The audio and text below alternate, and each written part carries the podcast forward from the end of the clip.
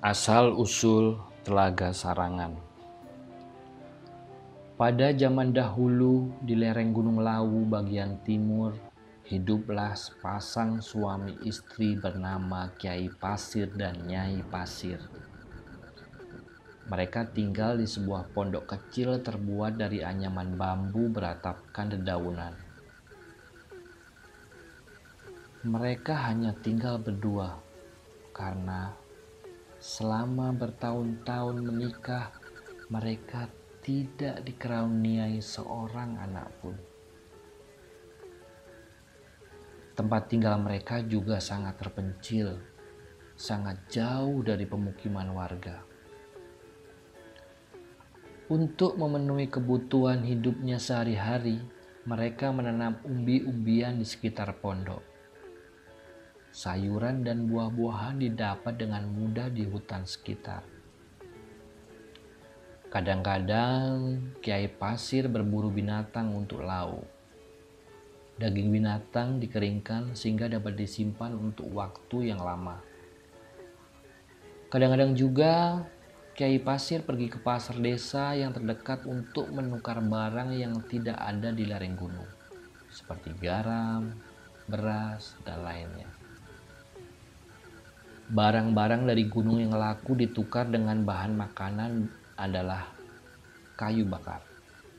Untuk itu, Kiai Pasir rajin mengumpulkan kayu bakar baik yang berupa ranting-ranting maupun kayu belah.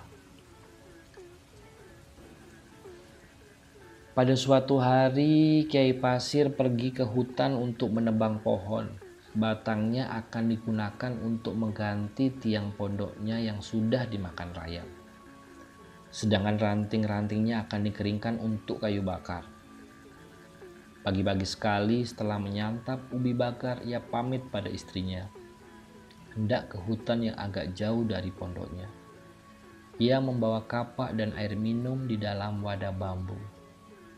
Istrinya melepas kepergian Kiai Pasir di depan pondok dengan pesan untuk pulang sebelum hari gelap. Tiba-tiba saat tiba di tengah hutan, Kiai Pasir mencari-cari pohon yang cukup besar dan berbatang lurus supaya kuat dijadikan tiang. Pohon-pohon di hutan itu besar-besar ukurannya. Padahal Kiai Pasir hendak menebang yang berukuran sedang supaya ia kuat memikulnya pulang ke pondok. Tidak lama kemudian, ia menemukan pohon yang sesuai dengan keinginannya. Karena semak belukar di sekitar pohon itu sangat lebat, Kiai Pasir pun terlebih dahulu membersihkannya agar ia mudah untuk mengayunkan kapaknya ke pangkal pohon.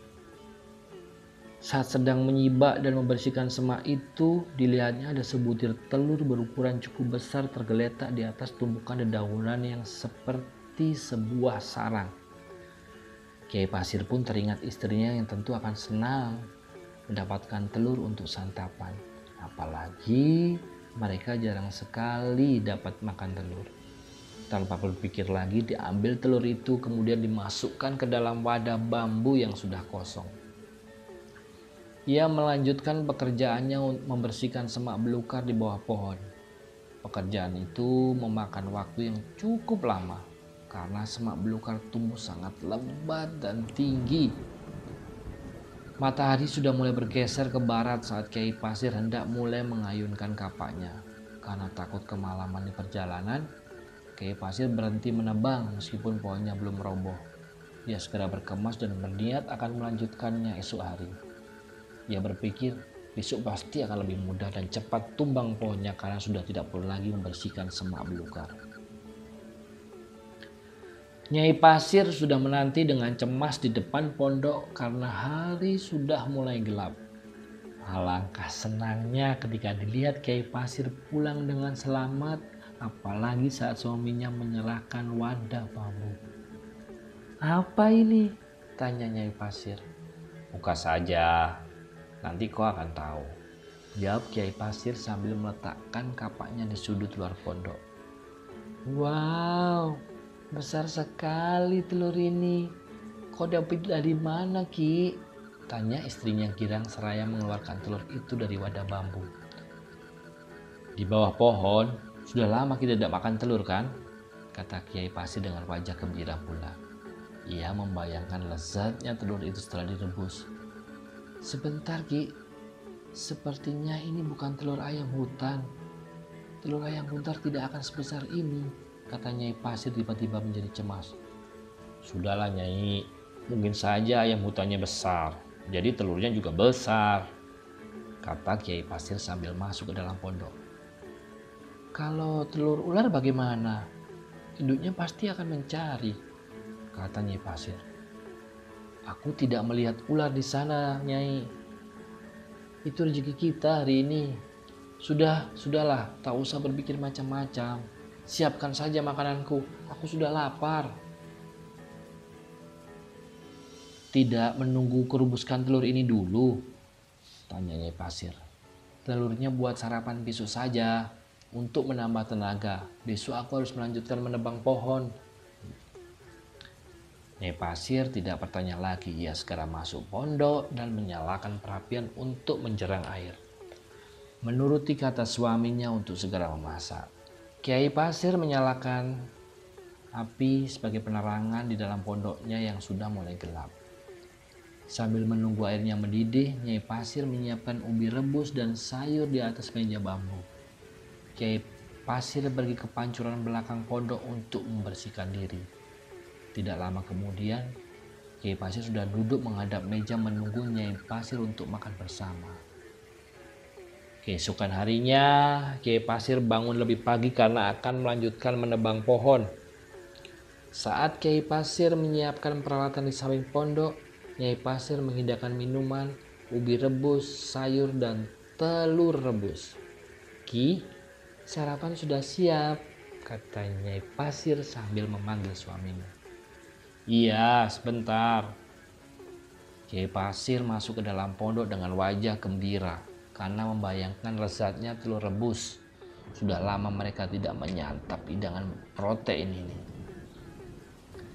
Nyai Pasir membelah telur menjadi dua, yang satu diberikan kepada Kiai Pasir dan satunya disantap sendiri. Hmm, enak sekali Nyai. Mudah-mudahan tenagaku bertambah hari ini, kata Kiai Pasir. Saya bersantap, Kiai Pasir berangkat ke hutan dengan membawa peralatannya seperti biasa. Nyai Pasir mengantarkan hingga ke halaman pondok. Setelah suaminya tidak tampak, Nyai Pasir kembali ke pondok untuk membereskan peralatan makanan dan mengerjakan pekerjaan rumah lainnya. Sementara itu, Kiai Pasir bergegas menyusuri jalan yang telah dilaluinya kemarin karena ingin segera mencapai hutan. Dalam perjalanan itu, Kiai Pasir merasa ada yang aneh dengan tubuhnya. Ia merasa sehat dan segar ketika meninggalkan pondok. Tetapi kini badannya terasa panas dan sakit yang tidak terkirakan. Tak kuasa melanjutkan perjalanan, ia pun berhenti dan meletakkan seluruh peralatannya yang dibawanya. Sekutur tubuhnya seperti tarik-tarik, kulitnya bergerak-gerak membentuk tonjolan-tonjolan yang makin lama semakin besar dan terasa gatal. Semakin lama rasa gatal itu semakin tidak tertahankan. Ia pun cepat berguling-guling ke tanah dengan harapan rasa gatalnya akan hilang. Tetapi yang terjadi justru sebaliknya.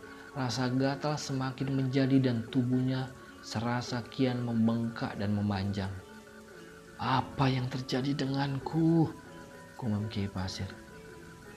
Tidak lama kemudian, tubuhnya sudah berubah menjadi ular naga yang sangat besar. Ular jelmaan Kiai Pasir itu terus berguling-guling di tanah menuju arah pondoknya untuk melihat keadaan Nyai Pasir. Tempat sepanjang ular naga berguling menjadi cekung dan makin lama makin kuas. Tanpa diketahui Kiai Pasir di pondoknya Nyai Pasir juga mengalami hal yang sama. Setelah suaminya pergi, Nyai Pasir merasakan gatal, badan panas, dan juga membuatnya berguling-guling di tanah. Tubuhnya kian memanjang dan membesar hingga berubah menjadi ular naga yang sangat besar. Ular naga jelmaan Nyai Pasir itu berguling-guling terus keluar halaman pondok ke arah perginya Kiai Pasir. Tempat bergulingnya ular naga Nyai Pasir itu juga bentuk cekungan yang kian luas dan dalam. Apa yang terjadi denganku? Apakah suamiku juga berubah? Gumam Nyai Pasir sambil terus berguling. Nyai Pasir teringat telur yang dibawa suaminya Duganya bahwa telur itu adalah telur ular mungkin benar. Yang merasa menyesal telah memakan telur itu. Tetapi nasi sudah menjadi bubur. Semuanya sudah terjadi dan tidak dapat dirubah lagi. Naga jelmaan Kiai Pasir dan Nyai Pasir akhirnya bertemu. Mereka berada di tengah-tengah cekungan yang luas bekas mereka berguling tak kuasa mereka menahan air mata karena menyesal telah memakan telur yang bukan miliknya. Rasa gatal pun tak kunjung hilang hingga mereka terus berguling-guling menyebabkan cekungan di tengah kian lama kian dalam. Tiba-tiba cekungan terdalam itu menyemburkan air yang sangat deras hingga dalam waktu yang tidak terlalu lama cekungan besar dan luas itu penuh terisi air dan menjadi telaga yang sangat besar. Ular naga jelmaan Kiai Pasir dan Nyai Pasir hilang bersamaan dengan berubahnya cekungan itu menjadi telaga. Penduduk sekitar yang mengetahui peristiwa terbentuknya telaga itu menamainya telaga pasir.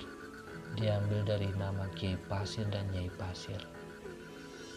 Lambat laun, masyarakat menyebutnya dengan Telaga Sarangan karena telaga itu berada di desa Sarangan.